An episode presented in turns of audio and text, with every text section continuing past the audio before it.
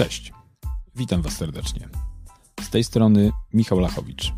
Zapraszam Was na Brodatok, czyli subiektywnie i emocjonalnie o zdrowiu, treningu, diecie, szczęściu i sztuce życia z peselem, który zaczyna się na 7. Pamiętajcie, że młody człowiek może znać zasady, ale tylko stary zna od nich wyjątki.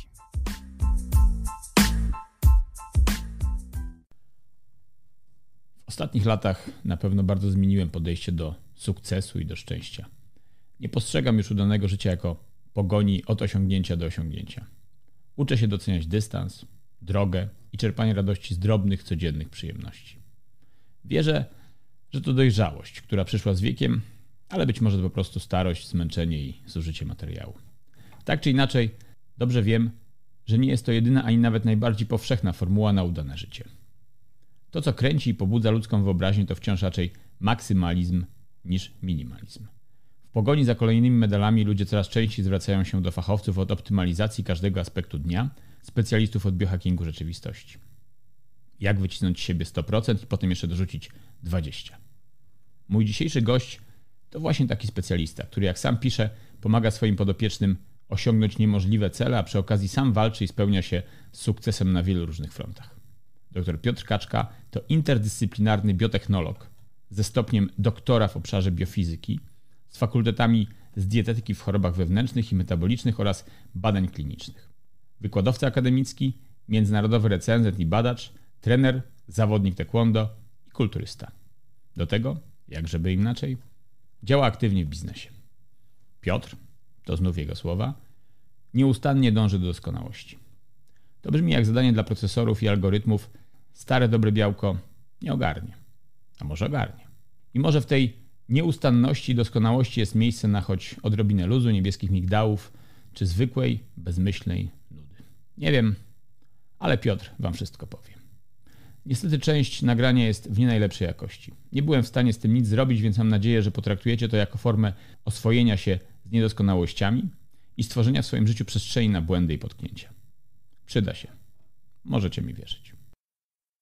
Zdrowa aktywność fizyczna to jest aktywność fizyczna na umiarkowanym poziomie, realizowana regularnie lub na dość intensywnym poziomie, ale ciągle realizowana regularnie. Mhm. Najgorsze, co obserwuję, to jest takie ad hoc korzystajcie z błędów, które ja popełniłem, które popełniłem na własnym ciele, w własnym treningu, żebyście okay. wy tego nie musieli robić, że wy, żebyście wy w moim wieku byli dużo zdrowsi ode mnie, dużo sprawniejsi, żebyście nie mieli tyle kontuzji.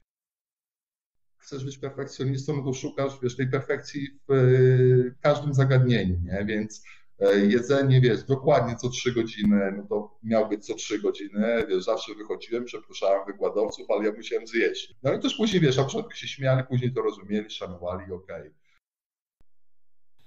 Moi drodzy, po raz kolejny w Brodatok jestem w sytuacji, kiedy do rozmowy zaprosiłem doktora biofizyki, biotechnologa, dietetyka, badacza, konsultanta biznesowego, kulturystę i zawodnika taekwondo, a po drugiej stronie siedzi jeden gość. Przyznam, że dosyć duży, ale mimo wszystko jeden. Piotrze, witam Cię w tej rozmowie. Witam Cię serdecznie, Michał, i witam słuchaczy Twojego podcastu. Piotrze, na początek, tak w ramach takiego podcastowego small talku, zanim wskoczymy w tematy filozoficzne i praktyczne, powiedz proszę, jak udało Ci się nagromadzić tyle osób w jednym ciele i w jednym życiu? I co Cię w ogóle do tego pchnęło? Zamiast wybrać sobie jakąś jedną ścieżkę kariery, ty zasuwasz na 120% równolegle po pięciu ścieżkach. No tak, pewno wynika z wychowania, z sytuacji życiowej, jaką miałem w dzieciństwie. Nie było, wiesz, wtedy sytuacji, że rodzice, rodziców na wszystko było stać i, mhm. i tak dalej. Miałeś ten komfort taki, e, ten taki bufor, nie? Komfort, że nie, nie, nie masz ograniczeń. Tam trzeba było sobie jeszcze wtedy za naszego pokolenia ciężko zapracować na to, co się mhm. ma. Tak naprawdę było się do tego przyzwyczajanym, że synu ciężką pracą dojdziesz do tego i do tego. Nie było znajomości, wiesz, nie było pleców, żyło się na wsi, e, w małych szkołach, poniewieranych, poniewieranym przez mhm. starszych kolegów. No i faktycznie wtedy dla mnie takim sukcesem, którym obserwowałem, było to, że jeżeli się dobrze uczyłem, to miałem lepsze stopnie, lepiej zdawałem na egzaminach. Mhm. Do liceum szedłem bez egzaminu, bo byłem po olimpiadach i wiedziałem, że tylko ciężką pracą jestem sobie w stanie zapracować na to, żeby nie pracować w życiu fizycznie, mhm. tak jak mi zawsze mój tato powtarzał, nie? Mhm. Synu, co ty masz takie małe rączki? Z tymi rączkami to ty nic w życiu nie osiągniesz. Ja mówię, tato, ręce to ja mam do miłości, nie do pracy. Nie? I wiesz, i od tego wychodziło, ale nie chciałem w życiu pracować fizycznie. Wiesz, chciałem pracować, chciałem pracować. I zostałeś kulturystą, no ale to już zupełnie inna sprawa. Bo taki model mi bardziej odpowiadał. Zresztą wiesz, które dziecko lubi się męczyć. Jasne. O ile się nie biega za gałą albo wiesz, nie łazi po drzewach, no to zmęczenie nie jest skazane. E, także z domu wyniosłem to, to wiesz, to jakby normalność w podejściu właściwie ciężkość w podejściu do normalnej pracy, czyli synu, im więcej będziesz pracował, ciężej będziesz pracował, tym większe prawdopodobieństwo, że coś osiągniesz. I faktycznie już rzeczywiście zaczęło mi się to sprawdzać. E, miałem lepsze oceny, miałem, mogłem gdzieś czasem pojechać, miałem wyróżnienia mhm. w szkole i tak dalej. I wiedziałem, że na przykład im częściej będę biegał tysiąc albo trzy tysiące kilometrów, mhm. no to będę pobijał moich kolegów z tego, z, z podwórka, nie? I będę najlepszy. No i tak, taka trochę chora ambicja mi się wtedy zaczęła, włączyła, ale, ale w sumie na, nie mogę powiedzieć, że teraz na zdrowie mi to weszło, bo trochę jestem po przejściach, po tych całym wiesz, ambicjonalnym podejściu do życia, mhm. ale z pewnością stamtąd wyniosłem to, że ciężką pracą można do czegoś dojść, nie być niezależnym od innych, nie prosić się nikogo o pomoc. Zawsze mi z mhm. kolei mama powtarzała, że 100 razy lepiej pójść i komuś pomóc, niż raz prosić się o pomoc. Mhm. To też sobie głęboko wziąłem do serca i też zacząłem przekładać na stosunki międzyludzkie i właśnie bardzo chętnie dawałem to serce na ręku, mimo że później Warszawa mocno przekopała to serce i cały mój tyłek za przeproszeniem i dała mi e, dobrą lekcję życia i podstawę do już samodzielnego jakby funkcjonowania później, nie? Także, ale, ale cały czas we mnie tkwiło to, że jeżeli chcesz coś mieć, musisz na to uczciwie zapracować. Jeżeli tego nie zrobisz, karma wraca, ludzie będą cię podejrzewali o coś tam, prawda, że nie osiągnąłeś tego własną, własną ciężką pracą. Nawet jeśli tak mówią, mam na to wyrąbane, szczerze mówiąc, bo, bo wiem, jaka była prawda, wiem, jak do tego doszedłem i wiem, ile czasu poświęciłem. Ludzie szli na imprezę, ja siadałem przed książkami, ludzie szli na imprezę, ja stawałem na bramkę, żeby jeszcze sobie dorobić, nie? bo na mhm. było bardzo ciężko. Ciężki kierunek e, i mało, mało czasu na naukę, mało pieniędzy, stypendium mm. na niewiele wystarczało. Wtedy wiesz, stypendium 400 zł w Warszawie, gdzie sam pokój Jasne. kosztował 1200, no to nie dawało rady, trzeba było ciągnąć e, dwa. Wyrażę się kierunki, jeden życie, a drugi szkoła, nie? Czyli zarabiać po szkole na to, żeby móc się uczyć. No, jakoś tak mi to weszło w krew. Weszło mi to w krew, zrobiłem siebie robota, o którym wiesz, o którym e, wspomniałeś, nastawionym na sukces, który dokładnie wiesz, wyznaczył sobie kropki do osiągnięcia celu i po tych kropkach sukcesywnie zdąża. Później z jednej drogi zrobiłem dwie, trzy równolegle prowadzone. Mhm. No i w ten sposób właśnie, wiesz, aktualnie jestem po sześciu fakultetach e, po doktoracie, przygotowuję do, się do habilitacji, kończę MBA Executive w tym roku. No i postawiłem dwie firmy i to wszystko w jednym, w jednym czasie. Ale za dużo, za no, dużo. Szczerze no właśnie, to, to, to, mnie, to mnie fascynuje, bo jest ja, ja bardzo. Mów, mów, mów. Spotkać osoby w swoim życiu, które cię prostują. Nie? Były mhm. trzy osoby do tej pory, które zmieniły moje życie. Ostatnim był właśnie profesor ze SGH, pan Dariusz Użycki. On właśnie prowadził przedmiot świadomy rozwój kariery zawodowej i tam się, wiesz, autoanalizowałeś. Miałeś 168 pytań czy jesteś tym, który puka, czy otwiera drzwi między innymi, tak. no i tam właśnie e, ewaluowałeś to, co w życiu osiągnąłeś, coś dla ciebie najważniejsze, praca czy rodzina. Mhm. Ja zawsze uważałem, że rodzina, praca służy do tego, żeby móc utrzymać rodzinę, ale nie. Mhm. Prawda jest taka, że praca była dla mnie najważniejsza, a rodziną tylko się usprawiedliwiała. Jasne. E, także dwa lata temu, no, rok temu zmieniłem to podejście i stwierdziłem, że jednak muszę mieć czas nie jestem samotną wyspą. Dla siebie jestem samotną wyspą, ale ja jestem potrzebny innym, mimo że mi się wydaje, że nie. Okay. Dlatego muszę tu być. Muszę, e, muszę stać na straży jak najdłużej, żeby, żeby moje dzieci nie cierpiały tego, co ja cierpiałem, w sensie, że ojciec zbyt wcześnie odszedł, a jak chciałem mieć przyjaciela, to już nie miałem kogo mieć za przyjaciela, nie? takiego mm. mentora życiowego. Mhm. Także trochę przewaluowałem swój światopogląd i to, na czym się najbardziej skupiam, no niemniej jednak teraz się z tego trzeba trochę wyplątać. Nie? Rozumiem potrzebę pracy, rozumiem tą naukę, zresztą bardzo słuszną, że bez pracy nie ma kołaczy i ty sobie wypracowujesz i wykuwasz swoją przyszłość. No ale to, co jest fascynujące, to właśnie to, że postanowiłeś tą swoją przyszłość wykuwać na tylu frontach, bo wydawałoby się, że powinien się skupić na czymś jednym po to, żeby jakoś tak się bezpiecznie w tej rzeczywistości osadzić. No a tak, ty jak powiedziałem, pięć różnych ścieżek równolegle i na każdej ciśniesz na 120%. No, jest w tym jakaś taka potrzeba, którą jak rozumiem odkryłeś właśnie te dwa lata temu, yy, która ci do tego pchała i która nie do końca jest zdrowa, albo może która nie do końca jest formułą na całe życie. Ale o tym sobie pewnie za chwilę mhm. powiemy. Prawda? Okej. Okay. Dobra. Okay. Piotrze, to ja taką tezę postawię na początek naszej rozmowy. Nie wiem, czy bardzo kontrowersyjną, czy nie, ale ona będzie jakimś takim punktem odbicia do tego, żeby zrozumieć, jaka jest Twoja filozofia życia i pracy, bo myślę, że to będzie ciekawe z perspektywy tego, o czym będziemy mówili później, nawet być może niekoniecznie później w tym podcaście, ale być może później w kolejnych podcastach. To będzie dużo łatwiej zrozumieć, jak będziemy wiedzieli, co Twojej głowie siedzi, tak filozoficznie i fundamentalnie. Bo z grubsza rzecz ujmując, Ty doradzasz, jak efektywnie, jak rozumiem, również szczęśliwie i zdrowo i długo żyć. A tak, jest. tak jak widzę i tak żeśmy sobie powiedzieli, jesteś ekstremalistą. To, co robisz, to mm. jest taka ewidentna hiperaktywność. No i szukając dowodów na to w Twoich materiałach, w Twoim życiu, no to jest kulturystyka, sport wyczynowy, biznes na najwyższym poziomie, bo takim osobom doradzasz. Radzisz, jak być efektywnym w multizadaniowości, jak efektywnie tak. wykonywać wielogodzinną pracę, jak osiągnąć, tu uwaga, perfekcyjny wygląd. W związku z tym tu jest perfekcja, praca, wszystko aż po prostu piszczy od takiego y, napięcia. Czyli innymi słowy, mówisz ludziom, jak zostać robotem. I to jest w dużym stopniu zupełnie inna filozofia niż ta, którą ja ostatnio mógłbym nazwać moją filozofią.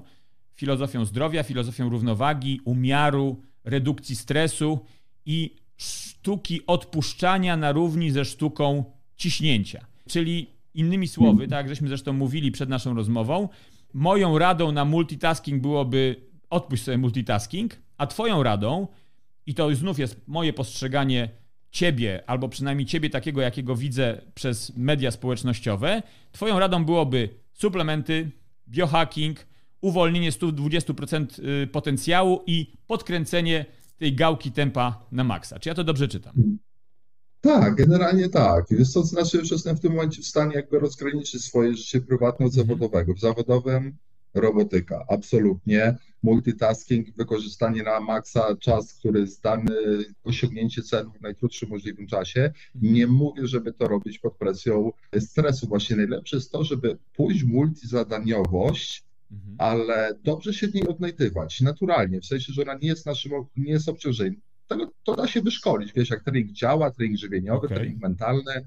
Tak samo tu, to jest też rodzaj trening mentalny, dzięki któremu jakby łączysz wiele zadań jednocześnie, pozostając tak samo skupionym na każdym. Mm-hmm. Oczywiście nie mógłbym tego robić, gdybym nie dbał szczególnie o swoje zdrowie mhm. fizyczne i psychiczne, bo by mi na to organizm nie pozwolił. Mhm. On po prostu on musi mieć zasoby wolne, żeby, żeby móc na takiej wydajności pracować, prawda? Bo ja już nie jestem wtedy Polones FSO, tylko jestem bardziej jak F1, prawda? I muszę mieć, nie mówię, że muszę mieć jak stajnie i jakiś tam e, zespół ludzi, no bo ja jakby sam operuję zespół ludzi, tylko to jest kwestia, powiem ci, takiej logistyki mentalnej, czyli ustawienia wszystkiego w takich zadaniach, które wiesz w jakim czasie wykonasz, z doświadczenia wiesz już przebieg czasowy, znasz przebieg czasowy tego, znasz zagrożenia, ryzyka i możesz to sobie jakby stunelować, kilka zadań prowadzić równolegle. Nie jest to dla mnie jakby nic trudnego, ponieważ sam się tego uczyłem, bo chciałem też wiele rzeczy, wiele rzeczy mnie pociągało w życiu na raz, tak ci powiem. Chciałem być dobry i w, wiesz, i w kulturystyce, i w sztukach walki, chciałem, nie wiem, wspinać się bardzo wysoko bez zabezpieczeń. Mhm. Ja mam taki trochę charakter takiego ryzykanta, to znaczy mnie w sumie też nie do końca kręci mnie ta adrenalina, jaka jest już bardzo, bardzo przesadzona i ja nie podejmuję takich ryzyk. Mhm. Niemniej jednak dobrze w biznesie czuje się na ryzyku wysokim okay. i jeszcze troszkę w górze średnim, wysokim średnim. Wtedy mi się najlepiej pracuje, jakoś to tempo mi odpowiada. Okay. Niemniej jednak potrzebuję odskoczni. To odskoczni jest dla mnie sport. Ja codziennie muszę pójść, jakby zresetować głowę, czyli dać sobie inne bodźce, nie? Zostawić wszystko i albo zrobić to na, albo zmęczyć się na siłowni, albo przeskakać, wiesz, dwie godziny na taekwondo. To jest dla mnie coś, co mnie rozbraja, coś, co spuszcza ze mnie tą złą energię, wiesz, bo jak ja tak żyjąc w bardzo szybkim tempie przez cały dzień zwalniam, wchodząc do domu, to to jest jeszcze za mało. Ja muszę najpierw się zresetować po pracy, dopiero wejść do rodziny i dopiero jestem normalnie uśmiechniętym sobą, a nie jeszcze takim, wiesz, wielozadaniowcem, który wpada do domu i zaczyna rozkazywać, no bo jeszcze nie zdążył oddzielić życia osobistego tak, od życia. Pracy jeszcze nie zostawił wiesz, za progiem. w firmie. Tak, Jasne. także to jest duże wymaganie, jest obciążenie, da się to zrobić, ale tylko dlatego to robiłem i robię, mhm. bo jakby chcę doznać wielu rzeczy w życiu, których nie okay. miałem możliwości jeszcze doznać. Wiesz, gdzieś tam sobie polecieć, skoczyć, zrobić coś, coś, co będę długo pamiętał. Tak naprawdę uwielbiam ciszę, spokój, jak jadę na wakacje, to to chcę być, wiesz, bez telefonu, w dzikiej naturze, pod namiotem, e, napić się ze, stru, napić ze strumienia wody i tak dalej, i tak dalej, nie? Także Rozumiem. na urlopie absolutnie unikam ludzi. Nie jeżdżę tam, gdzie, gdzie jest dużo ludzi, gdzie są spędy, tylko tam, gdzie nikogo nie ma. Po prostu cisza, spokój i nie ma zasięgu.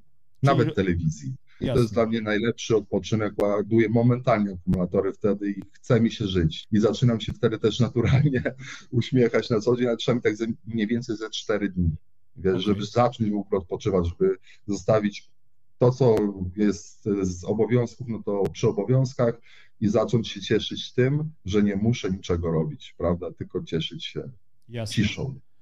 Ale rozumiem, że generalnie trochę inaczej prawdopodobnie definiujesz szczęśliwe i pełne życie niż, no, niż ja być może, albo niż tacy guru samorozwoju, którzy radzą, żeby trochę zwolnić. I być może inaczej widzisz to, w jaki sposób twoje życie powinno być twoje i życie twoich klientów y, powinno być wypełnione aktywnością, ale generalnie cel jest ten sam, czyli ma być to życie szczęśliwe, zdrowe, długie i spełnione. To, co, tak. to, co powiedziałeś, to też jest ciekawe o tym, że ty po prostu bardzo dużo chcesz jeszcze w życiu zrobić, ty chcesz dużo w życiu zobaczyć i dużo w życiu doświadczyć i to jest fajne, no to, to jest taka trochę właśnie filozofia, wiesz, bucket list, masz listę, że chciałbyś zrobić, zrobić to, to i to. Ja trochę w życiu się przedstawiam na tą filozofię tak zwanej odwróconej bucket list, czyli ja wykreślam z mojego życia, z moich planów mhm. pewne rzeczy, które zawsze chciałem zobaczyć, tak mi się przynajmniej wydawało. Wykreślam je nie dlatego, że i tak mi się przynajmniej wydaje, że jestem leniwy i zmęczony, tylko wykreślam je dlatego, że dzięki temu zwalniam trochę miejsca, przestrzeni, energii na te rzeczy, które być może już mam, ale potrzebuję się na nich trochę bardziej skupić trochę bardziej ich doświadczyć. Ale dobra, nie, nie nurkujmy tak mocno w filozofię. Ja myślę, że czuję tą różnicę. Może fundamentalnie jej nie ma, bo tak naprawdę chcemy tego samego szczęśliwego, długiego życia. Troszeczkę inaczej je na tym etapie postrzegamy. Jest ok. że tak powiem. Powiedz Piotrze... Ale zdecydowanie bardziej, Michał, wiesz, skłaniam się ku twojej koncepcji, mm -hmm. no bo ja też do tego dążę, tylko powiedzmy zabrnąłem w...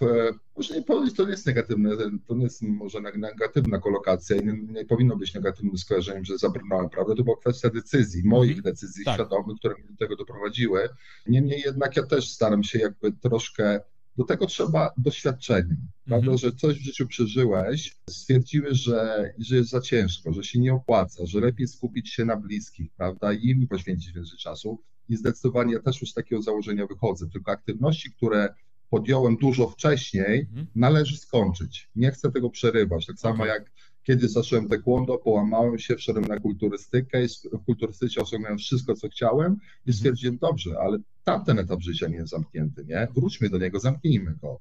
I dlatego znowu, znowu Jasne. taekwondo. Wiem, że też prozdrowotnie, no niemniej jednak szukam jak najwięcej okazji do tego, żeby właśnie robić ten odwrócony bucket list i wykreślać, prawda, te rzeczy. Okay. I to już zaczynam robić, rozmiatać gdzieś na boki, żeby w jednej jednostce czasu nie pracować aż tak intensywnie, mm -hmm. tylko właśnie pójść do domu, zabrać dzieciaki, chodźcie, idziemy na łąki czy gdzieś tam i tym się cieszyć, tym się delektować, bo to jest creme de la creme naszego życia, nie, a nie jałowa praca, przynosząca korzyści, nie przynosząca korzyści, nie, ale my mentalnie ze sobą, z najbliższymi powinniśmy być szczęśliwi, a no widzisz. Pracować, żeby żyć, a nie żyć, żeby pracować, no. prawda? Na, na, na takiego, takiego cię jeszcze nie słyszałem, ale rozumiem, że jesteś, i to jest, to jest absolutnie normalne, zdrowe i naturalne, jesteś w jakimś tam momencie też swojego własnego, może nie przełomu, bo to tak, tak brzmi bardzo dramatycznie, ale, ale pewnej, pewnej zmiany. Zresztą, wiesz, ja uważam, że każdy etap życia ma swoje tempo, ma swoje cele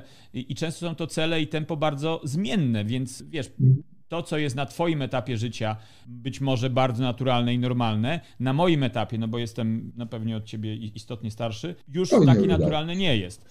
Tu nie będziemy tam się peselami może tak. publicznie, znaczy wszyscy wiedzą, jaki jest mój pesel, ja Twojego tutaj nie będę, nie będę, że tak powiem, upubliczniał, ale no jakby każdy etap życia ma swoją poetykę i swoją okay. dynamikę, więc y, znowu, to wszystko jest w miarę naturalne. Zanim wskoczymy do tych takich bardzo konkretnych obszarów życia i porozmawiamy trochę, jak ty je widzisz w, tej swojej obecnej filozofii, ale również przede wszystkim takiej fachowej praktyce, jako, jako fachowca od diety, fachowca mm, od y, sportu, od wysiłku i tak dalej, to mam do ciebie jeszcze dwa pytania. Kto jest twoim takim życiowym idolem? Czy w ogóle masz taką osobę, czy nie? Czy jest ktoś, na tym etapie życia, na którym jesteś, kto dobrze personalizuje Twoje pragnienia, cele i w ogóle taką życiową filozofię? Nie mam jako takiego określonego idola. Nigdy nie miałem w życiu określonego idola. Miałem pewne schematy zachowań, które bardzo mi się podobały. Nie? Mhm. Zawsze czyniłem szacunek do ludzi, mhm. uczciwość taką międzyludzką. Natomiast okresowo to byli, wiesz, na początku, no wiadomo, piłka nożna, to ja jeszcze jestem z czasów Diego Armando Maradony. No piłka nożna, później koszykówka, także sportowcy to byli idolami okay. u każdego młodego chłopaka. Jakoś nigdy idolami nie byli dla mnie, nie wiem, osoby z, z czołówek gazet, nie, czy osoby okay. bardzo znane. Ja nigdy nie miałem ciśnienia, żeby być kimś znanym. Mhm. Chciałem być szczęśliwy sam ze sobą, chciałem być dobry dla najbliższych. Jasne. I żeby, żeby, i po prostu być szczęśliwym człowiekiem otoczenie wokół mnie, żeby było szczęśliwe. Mhm. Natomiast są osoby, które bardzo cenię jako osobowości, jako ludzi po prostu. Pana profesora wymieniłem. Dużo tak. osób z mojej rodziny jest dla mnie wzorami. Jasne. To są bardzo dobrymi ludźmi. Natomiast jako takiego idola, czy, czy wiesz, czy z branży tutaj biznesowej, czy z branży sportowej nie mam. Ja, okay. ja, ja podziwiam tych ludzi, podziwiam każdego, który wychodzi, zajmuje, walczy, nawet nie, nie staje na pudle, ale, mhm. E, ale podjął to, to ryzyko walki. Ja ich cenię. Nie, ma, okay. nie chcę być tak jak on. Nie, nie, on wybrał swoją ścieżkę, ja mam swoją ścieżkę, bardzo go szanuję za to. Także ja bardziej ludzi, na ludzi patrzę jako na osoby, które może nie do końca całe są wzorami, nie? ale pewien e, wycinek ich życia jest wzorem i to mi się podoba i też chcę być, reprezentować sobą tyle, co reprezentują te osoby. Nie? Na przykład yes. ty mi teraz mówisz, że potrafisz to sobie oddzielić, powykreślać, nie? Ja też patrzę na ciebie jako na osobę szczęśliwą, postrzegam ciebie, nie? I później się zastanawiam, słuchaj, Michał to powykreślał, nie? Może ja bym powykreślał, może to jest dobra droga, prawda? Może bym znalazł sobie szczęście i w tym kierunku idę bardziej na, wiesz, na zasadzie niewierny Tomasz, w sensie ja chętnie to sprawdzę. Nie mów mi, że tak jest, ale ja, ja to chętnie sprawdzę. Muszę się sam przekonać do tego, ale wiesz, z twojej osobowości też już czerpię pewne rzeczy, które ta rozmowa nie, nie, nie przypadnie tak gdzieś w mojej głowie, tylko ona będzie, bo spotkałem ciebie i mówisz mi o takim podejściu. Ja też tak bym chciał. Okay. Także okay. wiele wzorców spotykam dla siebie. Może nie od początku do końca jest to postać, która jest dla mnie wzorem i chcę być taki jak on jeden do jednego, bo uważam, że po to jesteśmy indywidualistami, żeby każdy z nas był inny, a piękno jest w różności różności, z możliwości, wiesz, tych różności e, komponowania razem w różnych aranżacjach i odkrywania na nowo pewnych kontaktów mm międzyludzkich, ale z każdego chciałbym czerpać. Z osoby, które uważam, to jest nawet taka nasza nagroda życiowa, że spotykać osoby na swojej ścieżce, którym możesz pomóc albo które mogą zmienić twoje życie. Okej. Okay. Dobrze, no fair deal. Mi też byłoby ciężko odpowiedzieć na takie pytanie, które jest moim idolem i na pewno nie mam takiego jednego nazwiska, takiej jednej osoby, której ścieżkę i której kroki chciałbym powtarzać tak jeden do jednego. W związku z tym ja to biorę. Na temat komentarza e, Twojego, co można wziąć z mojego zachowania, to no tak, no dla potrzeb tej rozmowy ja tak y, y, zabrzmiałem buddyjsko y, jako ten, który potrafi wykreślać ze, swojej, ze swojego życia różne, różnego rodzaju potrzeby, ale ja się z tym zmagam. Nie? Oczywiście, ja, ja też jak wykreślam, to mi się trzęsie ręka, a nawet jak wykreśliłem następnego dnia ale się budzę i, i tak mówię, kurczę, ale jednak żal. No. Więc wiesz, tak, tak, tak. Nie wiem, czy jest ktoś, jeżeli ktoś jest, to niech się odezwie, kto na wzorowaniu się na mnie dobrze wyszedł. Mam nadzieję, że ktoś taki jest, ale na pewno ja wiem, jaką walkę człowiek ze sobą wewnętrzną toczy. Robię to już od 50 lat, więc dobrze, ale to już nie, nie, nie wchodźmy w te rzeczy. Wiesz, Michał, zdolność do podjęcia decyzji o wykreśleniu czegoś ze swoich planów to jest zawsze traktowane jako, znaczy większość osób traktuje to jako swoją porażkę, a nie tak. jako sukces. Sukcesem to jest dojście do tego, że jest za dużo, i żeby efektywnie i szczęśliwie żyć dla siebie i dla innych, mhm. trzeba to zrobić. Trzeba wygrać z własną ambicją, egoizmem, altruizmem, tak. nieważne, w każdym razie tym takim szerokim e, podejściem do życia wielokierunkowym i umieć tą kreskę postawić, nie? To, Czy to jednak jest... nie, Piotrek, w, w złą stronę zmierzasz. To jest Zobacz, bardzo trudne. To jest nie? bardzo trudne. To, to, jest sztuka wielka. Ale absolutnie. To trzeba ważnym człowiekiem, żeby to zrobić. Dużo łatwiej jest swoją bucket list napełnić różnego rodzaju taskami, poddać tak, się, poddać tak, się tak. napędowi własnego tak, ego i wiesz, i y, cisnąć kosztem snu, rodziny, życia, y, wiesz, aż ci, y, pardon, gluty z nosa pójdą.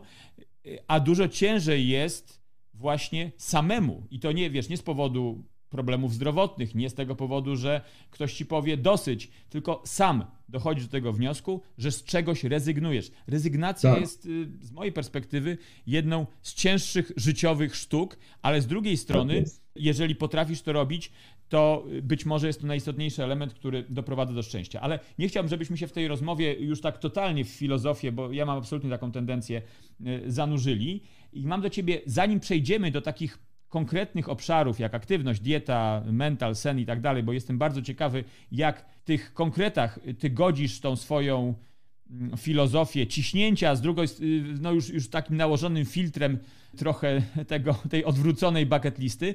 W związku z tym na pewno do tego wskoczymy, ale mam jeszcze jedno pytanie. Pytanie o kulturystykę, bo to jest, to jest w ogóle bardzo ciekawe zajęcie i jestem ciekawy, co kulturystyka robi w tym zestawieniu, bo z jednej strony kulturystyka to jest absolutny szczyt dyscypliny, konsekwencji, ciężkiej pracy. Tak. Ja to bardzo szanuję. Zresztą sam przez długie, długie lata, no nie byłem kulturystą nigdy, ale podnosiłem ciężary i wiem, wiem jak to po prostu, jak to boli. Z drugiej strony tak. kulturystyka, tak też ją można czytać, to jest pusty efekt, wygląd, a nie funkcja i potencjalnie poświęcenie zdrowia, czyli tej prawdziwej wartości dla urody, czyli tej wartości takiej bardzo subiektywnej, takiej bardzo ulotnej, takiej bardzo e, powierzchownej. I być może jest to najbardziej próżny sport, znowu pytanie nawet, czy to jest sport na świecie. I jak ty z tym całym e, obciążeniem e, tego, czym kulturystyka jest, jak ty widzisz jej rolę w swoim życiu i jak ty w to swoje życie, które jest poświęcone efektywności, jest poświęcone no, również wyczynowemu sportowi, ale, ale takiemu jak taekwondo, no to tutaj tych wartości zarówno sportowych, jak i takich mentalnych, prawdziwych wartości jest masa. Jak w tym, z tym wszystkim godzisz y, kulturystykę? I dl dlaczego y, ona w Twoim życiu jest? I jak rozumiem, dlaczego doradzasz, jeśli doradzasz, żeby pojawiała się w życiach Twoich klientów? Wiesz co, wydaje, znaczy, bardzo dobre pytanie zadajesz. Wydaje mi się, że kulturystyka ukształtowała mnie jako osobowość, mhm. ponieważ faktycznie to jest najbardziej wymagający sport na świecie. Mhm. E, trzeba pod to podporządkować całe życie, zwłaszcza pod żywienie, pod dietę, podciągnąć, wszystko musi być pod to ustawione. Dzięki temu ja, chcąc osiągnąć sukces kulturystyczny, musiałem bardzo przymodelować swoje życie tak, żeby mieć czas i na naukę, żeby powiedzmy rodzice się do mnie, bo ja zacząłem trenować w wieku 13 lat, nie? więc żeby rodzice mi pozwolili trenować, żebym ja mógł chodzić na treningi, musiałem mieć szkołę załatwioną. Więc tak musiałem sobie wszystko poukładać już w wieku 13 lat, żeby rodzice dali mi święty spokój ze szkołą, czyli musiałem tam być dobry, żadnych uwag, żeby mieć święty spokój i musiałem wdrożyć to wszystko, czego wymaga kulturystyka, czyli i żywienie, i trening, regularność. I przez te 30 lat to mnie jakby pozwalało jakby wszystko ułożyć, bo już byłem jakby e, nawyknięty do tego, żeby realizować wiele rzeczy na raz, bo mam jakieś tam normy czasowe, prawda? Tu muszę skończyć trening, tu się muszę nauczyć na sprawdzian, tu na olimpiadę, tu znowu mam trening, tu muszę zmienić dietę i tak dalej, i tak dalej. To mnie nauczyło takiego właśnie poukładanego trybu życia i ukształtowało mnie też jako taką osobę upartą, jeśli chodzi o sport, dążącą do, do celu. Wydaje mi się, że zarówno i kulturystyka, i taekwondo są tak samo jak każda inna dyscyplina sportu wymagająca, jeśli chcesz to robić na poziomie bardzo dobrym, na takim mhm. poziomie, z którego jesteś sam zadowolony. Mhm. Bo ja przychodziłem po to, żeby się poprawić. Prawda? Ja nigdy na trening nie przychodziłem, na żaden trening, żeby pogadać, żeby coś tam się odprężyć, żeby się napić wody, pół godziny i pójść sobie do domu. Tylko zawsze przychodziłem w określonym celu i zawsze wymagałem od siebie, mhm. żeby ten czas nie był zmarnowany, bo to kochałem, to chciałem mieć postęp, prawda? W wieku 8 lat powiesiłem sobie z amerykańskiego czasopisma Franka Hindelbranda, mhm. kulturystę i powiedziałem, kiedyś będę wyglądał tak jak on. I wiesz co, tam po 20 latach zdjąłem Franka, schowałem sobie do, do swoich najcenniejszych rzeczy i powiedziałem dzięki Frank. Teraz już wyglądam lepiej od ciebie i tu się kończy etap mojego życia. Zaczynam coś innego, zamknięte. Okay. I przechodzę do następnego. Także wydaje mi się, że ten sport bardzo dużo mi w życiu dał. Pokazał mi, ile rzeczy można jeszcze robić. Zazwyczaj też, ja widzę to też po bardzo młodych adeptach, którzy przychodzą na treningi taekwondo, oni są często, wiesz, ADHD, przebodźcowani, nie potrafią się skupić. Po roku treningów i poprawia się szkoła, i poprawia się skupienie. I to generalnie wpływa taki dobry rozwój młodej osoby i przeciwnie do tego, co się aktualnie teraz dzieje, że wszyscy są, wiesz, w telefonach, w komputerach, tak, a te osoby jednak chcą spędzać czas z innymi osobami, chcą trenować, przykładają się do tego, także uważam, że każdy sport a im bardziej wymagający, tym skuteczniejszy, jeśli chodzi o rozwój osobowy młodego człowieka, ale też systematyzujące życie dorosłego. Jasne. Także to mi bardzo pomogło w życiu i dawało też odskocznie od jakichś tam problemów takich, że mam dużo zajęć, prawda, że jestem zestresowany. Pozwalało mi utrzymać taki, nie ma już, nie ma czegoś takiego jak work-life balance, to jest tylko life balance, a work no to jest jeden wielki Jasne. zakłócacz, który wchodzi i rozbija się swoją ideę życia, nie? Także to mi pozwoliło naprawdę być taką osobą jakby stabilną i poukładaną i potrafiłem planować z dużym sukcesem to, co zamierzam osiągnąć. Jasne. Ja absolutnie nie kwestionuję, czy nawet nie, nie dopytuję o rolę sportu w życiu, czy Twoim życiu, czy w życiu wszystkich, jaką, jaka ona może być, jaką rolę sport powinien pełnić w życiu młodych ludzi, bo wiesz, jestem ogromnym proponentem sportu i uważam, że w ogóle sport może być życiem i to nie jest w tym nic złego. Ja bardziej pytałem się konkretnie o kulturystykę, bo to jest bardzo kontrowersyjny sport, ale rozumiem, że ty z kulturystyki bierzesz to, co ona ma najlepszego do zaoferowania, czyli jeszcze raz, tą taką naprawdę skrajną dyscyplinę i dyscyplinę, która musi być utrzymywana 24 na 7, bo, bo to jest tak, charakter, to, tak. jest, to jest ta trudność w kulturystyce, bo może nawet niekoniecznie treningi y, kulturystyczne są najcięższe na świecie, ale najcięższe jest to, że one się nigdy nie kończą, bo zawsze jesteś, tak jest. zawsze jesteś Dokładnie. kulturystą, tak, nie, nie wychodzisz z tak. tego, z tego ciała. No z tym, że kulturystyka ma y, niestety to do siebie, że ma dosyć duży, że tak powiem, potencjał degeneracji, jeśli chodzi o to, w jaki sposób siebie postrzegasz, y, o jakie cele walczysz tak, na jakie kompromisy. Tak, na jakie kompromisy chcesz iść po to, żeby po prostu dobrze wyglądać. No ale dobra, to nie, nie, nie idźmy w to, w to głębiej, bo uważam, że to może być znowu fantastyczny sport, fantastyczna rozrywka i też fantastyczna forma uzyskania i utrzymania zdrowia, pod warunkiem, że, no, jak mówię, unikniemy pewnych y, dosyć y, oczywistych i też niełatwych do uniknięcia pokus, które z kulturystyką razem idą. Ale myślę, że możemy ten temat uznać za y, rozwiązany, zamknięty. Ty po prostu chciałeś swoim życiu zbudować sobie dyscyplinę i to, jak wyglądałeś, to jakie mięśnie ci się udało zbudować, zdobyć, jaką sylwetkę udało ci się y, utrzymać, to była po prostu miara tego, jak dobrze jesteś w stanie swoje życie zdyscyplinować, jak dobrze jesteś w stanie swoje tak życie poukładać. Super, no ja, ja, to, ja to kupuję, ja to y, kupuję. Piotrze, to teraz chciałbym, żebyśmy przeszli przez taki cały życie 360, czyli te wszystkie obszary życiowe. Ja je sobie podzieliłem według takiego, nazwijmy to, mojego, mojego modelu. I w tych obszarach, jakbyś mógł powiedzieć, jak Twoja, może już niekoniecznie filozofia, ale taka bardziej praktyka, zarówno Twoja praktyka jako, jako Twoja, ale również ta praktyka, którą y, doradzasz swoim klientom, wygląda. Z grubsza, bo jak mówię, jeszcze będzie czas na to, żeby w to głębiej zanurkować, ale takie fundamenty praktyczne w każdym z tych obszarów. Ja mówię tak bardzo w sposób enigmatyczny, jak wskoczę w to, to myślę, to będzie dużo bardziej jasne. Po pierwsze, aktywność fizyczna. Jak ogólnie widzisz fundamenty aktywności fizycznej, które każdy w swoim życiu powinien zbudować? Czy to jest trening siłowy, czy to jest bardziej trening wytrzymałościowy, czy to jest w ogóle trening, y, jak w ogóle ma się trening versus taka aktywność codzienna? Jak ten obszar widzisz, co to znaczy zdrowa aktywność fizyczna w życiu według Piotra Kaczki?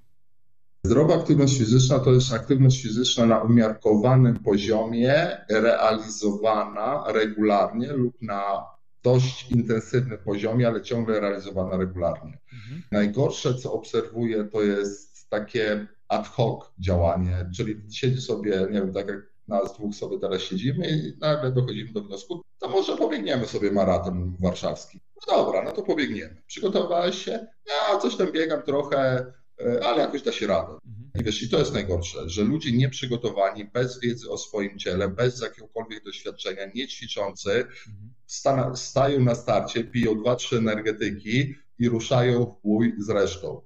Często kończy się to tragicznie, nawet śmiercią, bo nie są ludzie do tego przyzwyczajeni, mają zawały, udary i tak dalej. To mnie najbardziej przeraża, ten brak może autokrytycyzmu odnośnie własnego przygotowania fizycznego do podejmowania takich dużych działań. To jest taki najbardziej rażący przykład, który, który ja obserwuję, bo często też przychodzą do mnie e, no mówię, panie Piotrze, za dwa tygodnie jest jakiś powiedzmy Armageddon, potrzebujesz się przygotować. Ja mówię, a ile, jak jesteś już rozbiegany? No nie, no dopiero potrzebuje się przygotować. No to wiesz, za dwa tygodnie nie jest możliwe zrobienie czegoś takiego, wiesz, bez e, konsekwencji zdrowotnych. To bardziej, że najpierw trzeba człowieka przebadać i mu pokazuje, słuchaj, to i to nie gra w twoim organizmie, ty nie możesz do tego podejść. Oni jakby tego nie akceptują. Z facetami jest niestety gorzej, bo niesie nas to łaska fantazja, nie? A dam radę, co ja nie dam rady. I zazwyczaj faceci szybciej się kończą. Kobiety bardziej kierują się estetyką. Powiedzmy, aktywność fizyczna jest wymagana estetyką, bo tu coś urosło, tam coś wisi, tu coś się pojawiło, jakiś dołeczek, to trzeba poprawić. Więc regularność, przede wszystkim regularność. Aktywność fizyczna dla mnie to jest regularność. Zdrowy tryb życia, ale też regularność wysiłku. Ona nie musi być intensywna, okay. prawda? To zależy, jak kto, kto do tego podchodzi, jak, jaki kto chce mieć efekt. Jeżeli tylko prozdrowotny, absolutnie wystarczy, wiesz, trzy razy w tygodniu po godzinie, tak żeby złapać lekką zadyszkę i będzie zdrowy. Jeżeli chcesz brać udział, konkurować z kimś, to wiadomo, że musisz stawiać sobie to poprzeczkę coraz wyżej, prawda? I, i podciągać się na niej. No niemniej jednak regularność. Bez okay. regularności ja nie widzę sukcesu tak naprawdę w niczym. Nawet Absolutnie. chyba w graniu w lotka, no bo jest mniejsza statystyka, że wygrasz. Jasne. Także aktywność fizyczna to regularność. I ja bym był ostatnią osobą, która by to w jakikolwiek sposób kwestionowała, ale powiedz mi, ten umiar to jest trochę coś, co y, do Twojego imidżu y, mi średnio pasuje, ale również no, do Twojego życia i sposobu, w jaki Ty znowu w mediach prezentujesz siebie i prezentujesz między innymi aktywność fizyczną. Jak to się ma? Jak, jak ten umiar ma się do no właśnie, do kulturystyki, do jakiegoś tam wyczynu w taekwondo, ale też prawdopodobnie do takich challenge'y sportowych, które twoi klienci chcą podejmować. Co sądzisz o takim bardziej ekstremalnym podejściu do wysiłku? Dobre, niedobre, zdrowe, niezdrowe? Doradzasz, odradzasz? Ekstremalne podejście do wysiłku nie jest zdrowe. Nie jest zdrowe. Ja, ja już to biorę przez pryzmat samego siebie, przez pryzmat doświadczenia swojego, okay. gdzie na wiele rzeczy rzucałem się, no bądź tak, jeżeli nie zemdlałem na treningu z niewydolności, to dla mnie trening był niezaliczony. Jeżeli nie zwymiotowałem w trakcie treningu albo po, trening był niezaliczony. I miałem kalendarz, wiesz, normalnie przesuwany i sobie skreślałem. Jeżeli było czerwony krzyżyk, znaczy, że trening był na maksa, czyli do zwymiotowania albo do zemdlenia. I jak miałem cały miesiąc taki, to byłem z siebie zadowolony. To jest jakie to jest chore. No, to, to, to, jest chore, to jest, dokładnie, to jest chore. I dlatego. Chore. I dlatego... Ale w tamtym momencie tak myślałem. To mi przynosiło też rezultaty. Miałem 20 parę lat. Bardzo szybko osiągałem te efekty. Czułem się niezniszczalny. No po prostu wiesz, dopiero facet, te, te, pierwsze 40 lat życia, nie? To jest najtrudniejsze dzieciństwo, jak się mówi, nie? U faceta później, później robi się trochę łatwiej. I teraz ja już mówię ludziom z perspektywy gościa, który, nie wiem, jest po dwóch operacjach, bark, kolana i tak dalej, żeby, żeby tego nie robić, prawda? Żeby nie podchodzić do tego w ten sposób, że ok, ćwicz intensywnie, ale rób też regularne przerwy, które dajesz organizmowi odpocząć, nie z 4 co 6 tygodni. I jakby nakładam to całe swoje doświadczenie, zawsze mówię ludziom, korzystajcie z błędów, które ja popełniłem, które popełniłem na własnym ciele, w własnym treningu, żebyście okay. wy tego nie musieli robić, że wy, żebyście wy w moim wieku byli dużo zdrowsi ode mnie, dużo sprawniejsi, żebyście nie mieli tyle kontuzji. Niemniej jednak to, że ja miałem taki tryb życia i tak ciężko trenowałem, prawda, do zapaści, Wiem, że to nie jest dobre i odradzam, nie róbcie tego, zwłaszcza w młodym wieku, bo sobie porozwalacie serducho i inne narządy, czegoś, czegoś się nie da w życiu cofnąć później, a na czym będzie wam bardzo zależało, bo przed wami dopiero życie, no tak. dzieci, wnuczęta, nie? Także, ale do młodych jest bardzo myślę, ciężko. Myślę, że dwudziestoparolatka te wnuczęta najbardziej ruszają. Tak. E, ale no, okej, okay, ja, ja rozumiem, co mówisz i, i jestem... Ale, mhm. ale no, przestrzegam ludzi właśnie biorąc e, tą miarą, mierząc ich miarą swojego życia, tego jak ja błędy popełniłem, patrzę na nich, no wypisz, wymaluj Piotrek Kaczka sprzed 20 lat, nie, no chłopie, zrób coś z tym, bo będziesz żałował za te 20 lat. Znaczy, Także te, wiesz, myślę, że, myślę, że to Piotr widzisz no, też. Czego, to były świadome decyzje, nie, ale, ale przestrzegam ludzi przed tym, że za 5 lat mogą mieć zupełnie inne cele w życiu. Jasne. I żeby wziąć to pod uwagę i zostawić sobie ten bufor jeszcze na realizację tych, tych pozostałych celów. Ja, ja, myślę, że to może czasem y, rodzić takie śmieszne efekty, no bo jednak zakładam, że jest jakaś część osób, być może całkiem znaczna, która zwraca się ku tobie personalnie bądź korzysta z twoich materiałów, widząc to, jak ty cały czas wyglądasz. Jesteś wielkim, dowalonym gościem, no jesteś y, kulturystą, znaczy znowu, ja nie sądzę, żebyś był w tym momencie aktywnym kulturystą startującym w zawodach. Nie, nie jestem. Jasne, od, jasne. Od pandemii nie jestem. Jasne, jasne, ale myślę, że w takim, że mam wszystko, nie z kulturystyki. W takim oglądzie powszechnym osób, które nie siedzą w tym sporcie, no wyglądasz jak kulturysta i, i pewnie jesteś kulturystą, w związku z tym część ludzi widząc ciebie, to jak wyglądasz, imponująca zresztą, imponujący wygląd i przychodzą do ciebie po to, żeby usłyszeć, słuchaj, umiar, spokojnie, trzy razy w tygodniu. No ale czy ja w ten sposób się tak zbuduję? Nie, nie zbudujesz się, ale to nie jest nic dobrego. I wiesz, i, i, i to, jest, to jest trochę, e, myślę, z twojej perspektywy może być, e, może być ciężka taka komunikacja, ale fajnie, że jesteś na tych pozycjach e, umiaru. Znaczy fajnie z mojej perspektywy, bo ja uważam, że to jest dużo lepsze miejsce w pewnym momencie, to pytanie, na ile można sobie pozwolić na takie szaleństwo, będąc młodym, tak jak mówiłeś, no na pewne szaleństwo lepiej sobie też nie pozwalać. Ale okej, okay, dobra, przynajmniej Twoja filozofia dotycząca i taka praktyka dotycząca sportu. Wydaje mi się, że na tym poziomie jest jasna. A powiedz mi, jak to wygląda z dietą? No bo w przypadku kulturystyki dieta to już jest totalna aberracja. Pamiętam tylko taką historię, opowiem. Nie jest to jakaś tam specjalnie dziwna historia, ale pracując w jednym z klubów, zarządzając jednym z klubów, mieliśmy e, kulturystę na pokładzie, trenera, bardzo fajny chłopak i wszystko było super, oprócz jego diety, która była masakryczna, to znaczy on jadł tylko kurczaka i ryż i to, co się w ciągu roku zmieniało, to proporcje kurczaka do ryżu, w zależności od tego, czy był na masie, czy na redukcji. Nic innego. Czasem jako deser rąbał tenże sam ryż z y, odżywką białkową. To była masakra. Nie mogłem, oczy mi wypadały, jak na to patrzyłem. W związku z tym dieta w kulturystyce to jest potencjalnie masakra. Zdrowa dieta, ciekaw jestem, jakie masz do tego podejście.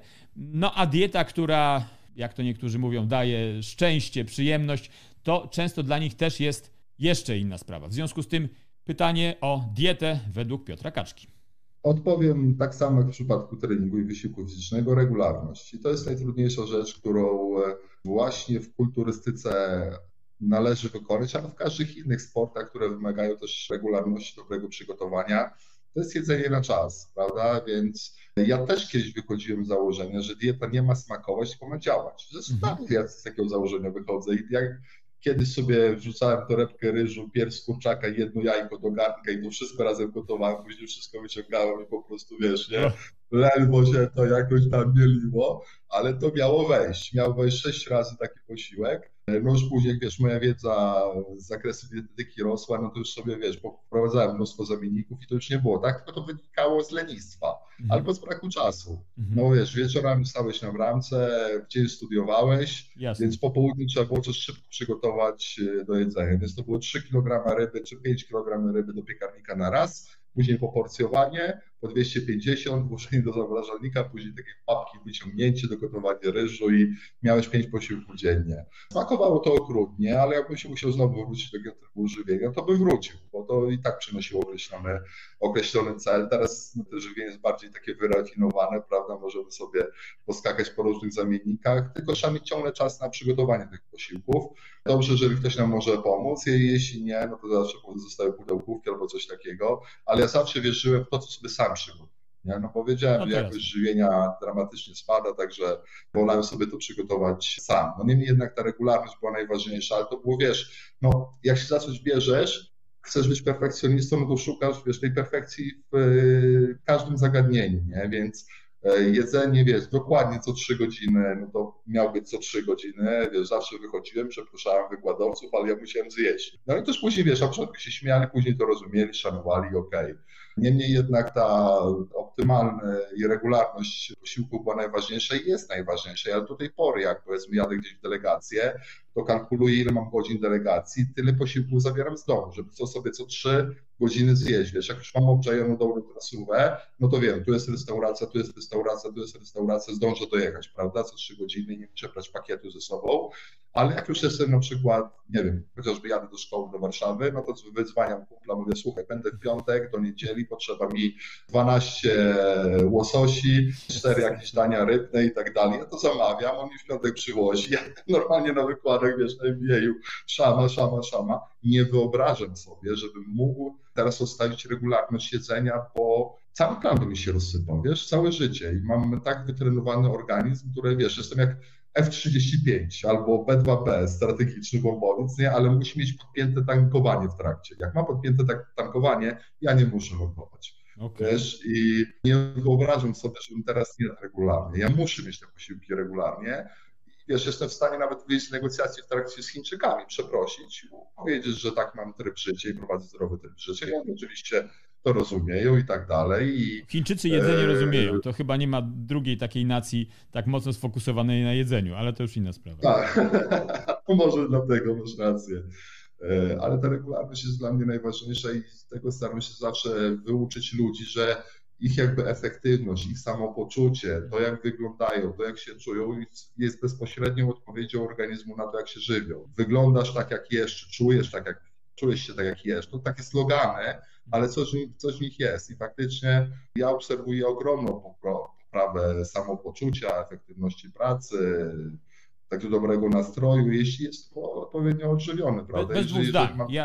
no to Rola diety to, to, to jest ogromna. Skleja, po prostu całości się nie skleja takiego funkcjonowania, Absolutnie. wiesz, na, na, jakby, na wysokiej aktywności, nie? kiedy jest to po prostu wymagane momentami. Piotr, ja, ja absolutnie tego nie, nie, nie, nie próbuję challenge'ować. Rola diety jest y, ogromna.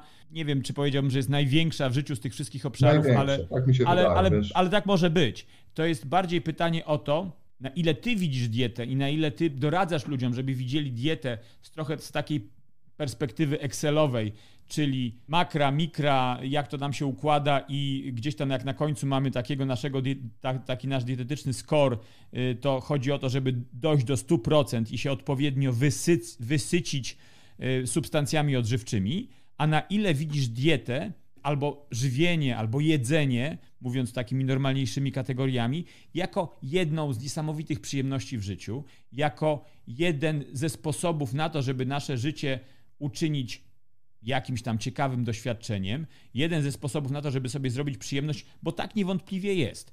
I trochę, i to są kierunki, które się nawzajem wykluczają, to znaczy albo można pójść w stronę przyjemność, albo można pójść w stronę performance, albo można gdzieś tam po drodze szukać jakiejś równowagi. I prawdopodobnie znowu, no to jest jakiś tam y, mój pomysł i to są zawsze moje ulubione powiedzenie, które powtarzam za każdym razem.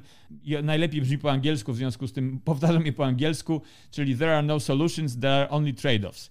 Czyli za każdym razem, jeżeli ja się decyduję na to, żeby wypić kieliszek wina albo żeby zjeść y, kawałek sernika, ja mam świadomość tego, co ja robię, ale mhm. mam też świadomość, że ja się na ten trade-off, na ten kompromis właśnie zgadzam. Że zjem coś, co może nie do końca jest takie zdrowe, albo wypiję coś, co nie do końca jest takie zdrowe, ale ja chcę zrobić ten trade właśnie trochę kosztem zdrowia zażyć tej przyjemności. Zresztą ta przyjemność również buduje moje zdrowie w tym takim sensie emocjonalnym. Więc, y, Oczywiście. więc, więc dlatego, dlatego ta filozofia żywieniowa, no to jest, to jest ciekawy temat. A powiedz mi proszę, jak, bo z tego co y, mówisz o swojej diecie, no to, to nie wątpię, że tam y, postów w swojej diecie nie umieszczasz, ale właśnie jak ty się tak krótko ustawiasz do takich tematów jak posty albo jak mniej regularne jedzenie, nie dlatego, że mniej regularne, bo sobie odpuszczamy, tylko mniej regularne jako po prostu taka formuła elastyczności metabolicznej. Jeszcze wrócę e, jedno pytanie do tyłu, żeby jakby zakończyć to żywienie moje. Ja jestem hedonistą żywieniowym. Ja tak naprawdę uwielbiam próbować nowości, być w nowych kuchniach, wszystko, co nie jest pikantne, bo pikantne to wystarczy poczuję, to mi łzy za, za oczu lecą, mhm. ale uwielbiam nowe takie wyzwania kulinarne, spróbować nowych rzeczy, oczywistych, najbardziej obrzydliwych, ale żeby zobaczyć, jak to smakuje. Jeszcze do, do kuchni podchodzę podobnie jak do żywienia. Najpierw praca, później przyjemność. Nigdy nie staram się tego łączyć w jedno, bo jeszcze to nie sprawdzało prostu, więc y, ja sobie jadę na wakacje i wtedy może nie tyle zapominam o diecie, bo mam organizm wyćwiczony, żeby regularnie spożywać te posiłki, ale wiesz, pojadę sobie, nie wiem, jestem w Grecji, wezmę jakiś mezę mhm. i tam jest wszystko. Ja sobie wybiorę, co mi z tego wiesz, potrzeba. Wezmę sobie inne danie, też sobie spróbuję. Wtedy staram się funkcjonować bardziej teraz, korzystaj, chłopie, masz nowe doświadczenia, możliwość, nie żyj w tym swoim zamkniętym świadku, prawda, żywieniowym i tak dalej. Jak kiedyś na Wigilię do przyszłej teściowej potrafiłem pojechać z własnym jedzeniem, no to teraz się za głowę łapię, co ty chłopie robiłeś w No ale tak się miało wtedy pod sufitem nierówno i tak, i tak było. Teraz po prostu, nie wiem, jem czegoś mniej, jeżeli to, to nie jest przewidziane w mojej diecie, albo albo sobie część zostawię, ale normalnie to jestem otwarty na wszystko i nie ma tak naprawdę potraw, których nie lubię. Nie lubię z zasady zupy pomidorowej, dlatego że czegoś z zasady trzeba nie lubić. No to ja wybrałem sobie zupę pomidorową. Chcesz zupę pomidorową? Tak. Smakowało? Tak. Chcesz dokładkę? Poproszę. Nie? A lubisz? Nie. Okay. Także wiesz, to, to okay. jest taka, ja, ja to nazywam kulturystyka albo dieta z ludzką twarzą, albo nazywam to Happy Fridays. Jesteście na diecie, mhm. ale dajcie odpocząć głowie. Nie musicie tego, nic się nie stanie, jak pojedziecie sobie w piątek do znanej stacji i weźmiecie sobie jakiś powiększony zestaw. Nic wam się nie stanie. Jedna z diet najbardziej popularnych na redukcję tkanki tłuszczowej, ketogeniczna, cykliczna ketogeniczna, zakłada, że jeden dzień masz takiego fulla all inclusive. Jest wszystko i po oporze i wtedy ta dieta jest nawet anaboliczna. Także mówię swoim podopiecznym, żeby jednak mieli tą odskocznię taką psychiczną. Wiesz, no nie kilogram truskawek na raz, ale można to sobie rozłożyć w ciągu tygodnia, e, czy jakichś innych przyjemności, ale no, staram się też na podstawie własnego doświadczenia, że tyle wam życia może uciec, tyle dobrych rzeczy, których nigdy nie próbowaliście, a które mogą zmienić wasze życie, nagle może postanowić, że będziesz kucharzem gdzieś w mhm. Bahrajnie, czy nie wiem, gdzieś w Indiach. I to jest ta wartość dodana. Także zachęcam, żeby próbować, mhm. no ale mieć, wiesz, mieć to jednak ustawione, to żywienie regularne, ale, ale to nie zabrania nam, to powiedział kiedyś mój kolega, w stosunku do relacji e, wierności e, damsko-męskiej w małżeństwie. To, że jestem najedzony nie znaczy, że w Beninie mogę zajrzeć. No, tu no, wchodzimy także... w potencjalnie bardzo niebezpieczne tereny. Ja z nich uciekam. Ja... Piotr, uciekajmy, uciekajmy. Dieta mimo Także wszystko jest otwarci, bardziej ja bezpiecznym tematem. I y, mówię to wszystkim podobieżnym, że bądźcie otwarci, próbujcie, próbujcie, szukajcie, zobaczcie jak to na was działa, żebyście byli świadomi żebyście mogli tą wiedzę przekazać innym, prawda, żebyście tego doświadczyli. Próbowałeś? Nie, no to spróbuj, dopiero będziesz mógł dyskutować, nie? dopiero będziesz empirykiem i, i merytorykiem w jednej, w jednej postaci.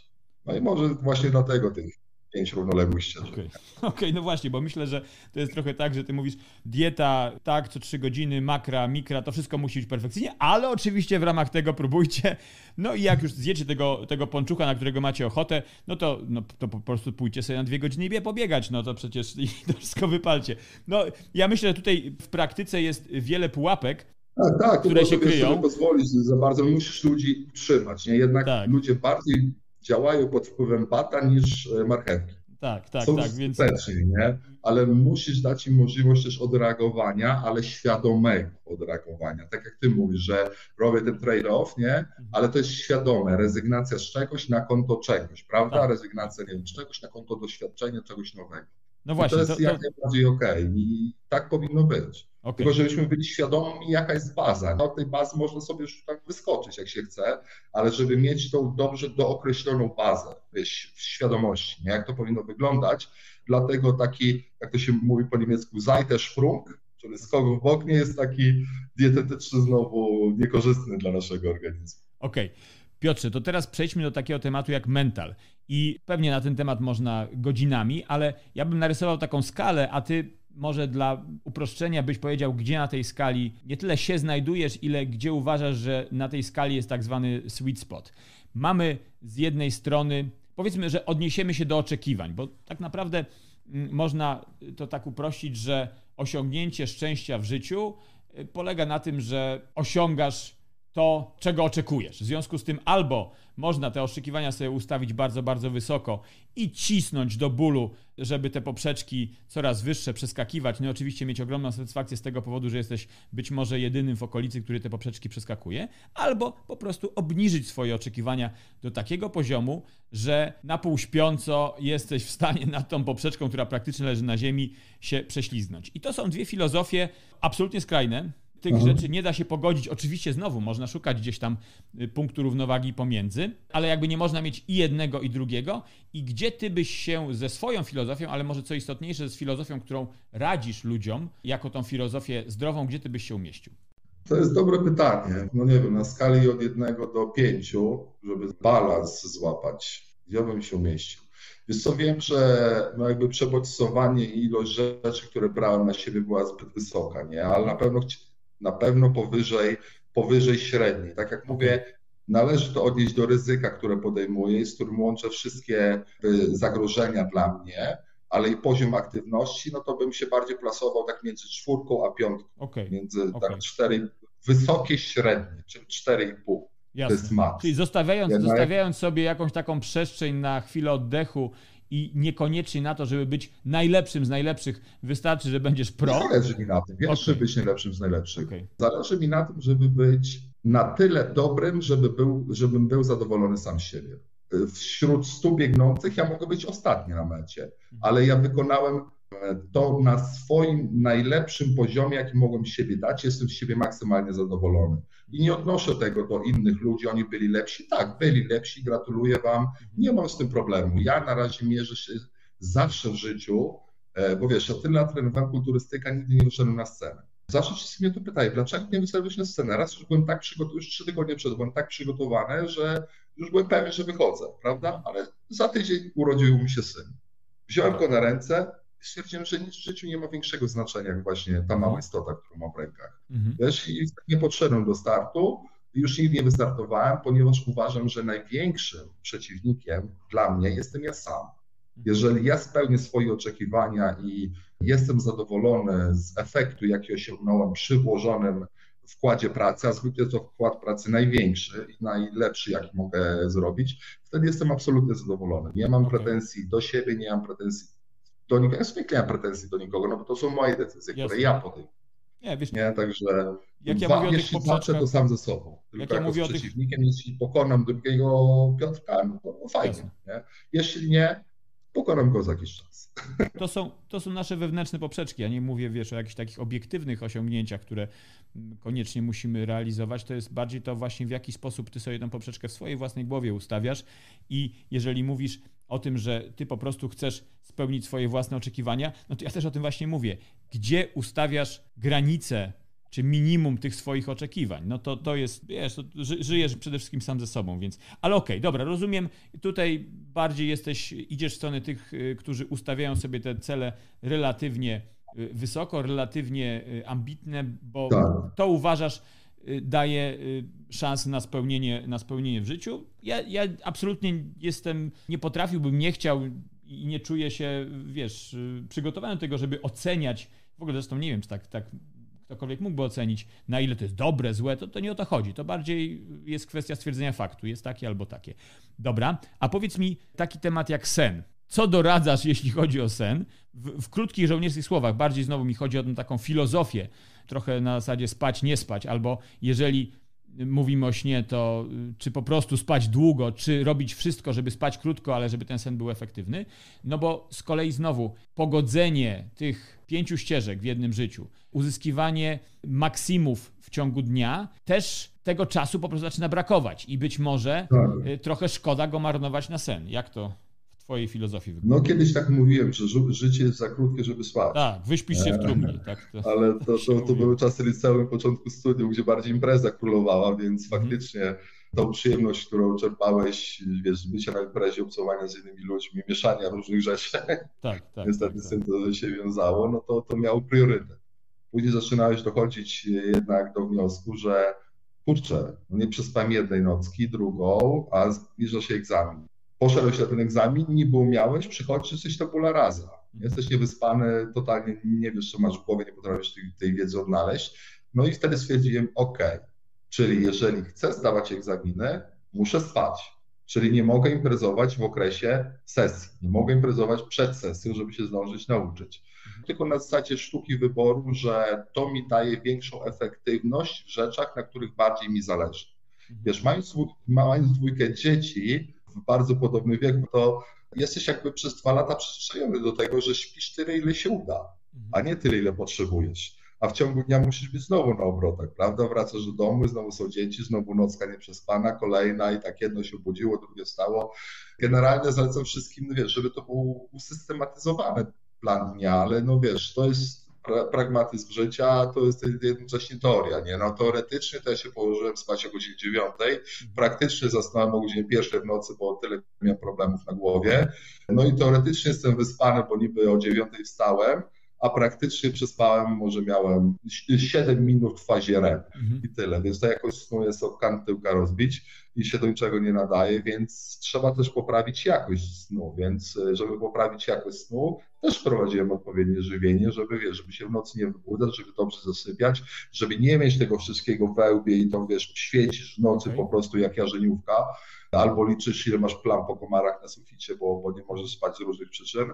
Dlatego też uczyłem się różnych technik zasypiania, bo miałem przeładowaną głowę, wiesz, robotą, wiesz, techniki zasypiania żołnierzy na polu walki, kiedy bombardują i tak dalej, w 10 minut zasypiasz i wiesz, skrzyżowanie oczu, patrzenie do góry, wyobrażenie sobie zielonej przestrzeni, no i policzenie o 30, pach, cię nie ma. Później żywieniowo, miałem już taką wiedzę, że wiedziałem, jak żywieniowo zmienić poziom neuroprzekaźników w mózgu, żeby w miarę szybko sobie zasnąć, nie?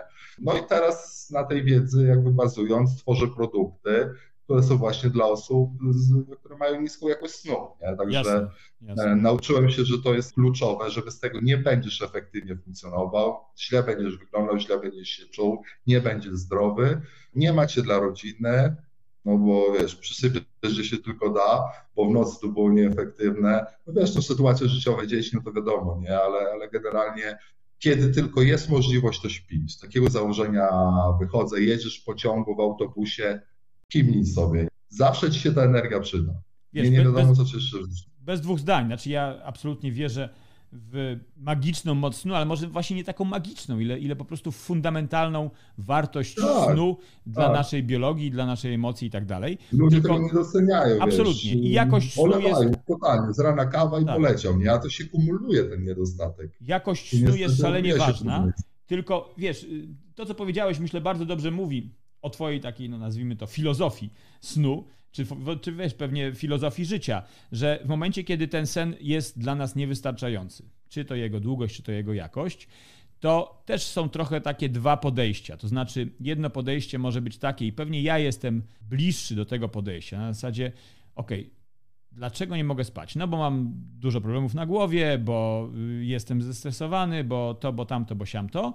I wtedy konkluzją może być, ja muszę fundamentalnie zmienić swoje życie, ja muszę obniżyć poziom stresu, ja muszę znaleźć ten balans, muszę pewne rzeczy sobie odpuścić, albo drugą formułą, która jak sądzę jest trochę tobie bliższa i znowu ja tego nie oceniam, czy ona jest lepsza, gorsza, bynajmniej, po prostu tobie pewnie bliższa, jest ok, to ja znajdę formułę, jak radzą sobie żołnierze sił specjalnych na polu walki i znajdę taki, taki biohack i taki, wiesz, że tak powiem już military hack, żebym był w stanie zasnąć w każdych warunkach, o każdej porze, jak y, jadę pociągiem, y, szybka drzemka, 15 minut.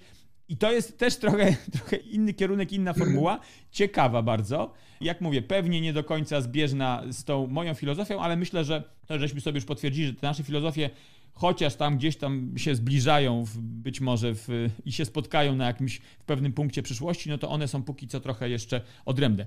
Y, Piotrze, ja będę da dalej leciał, bo jeszcze mam kilka do Ciebie pytań. Powiedz mi proszę, dawaj. Y, jak się, bo kwestie wpływów środowiskowych, jak na środowisko wpływa, czy wpływa, no to jest oczywiste, że wpływa.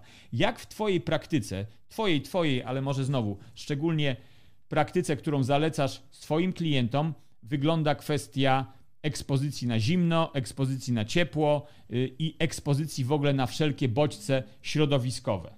Tak, nie? E, ja wychodzę w ogóle z założenia, że powinniśmy żyć jak najbliżej natury, jak najbardziej się w nią zanurzać, ekspo, mhm.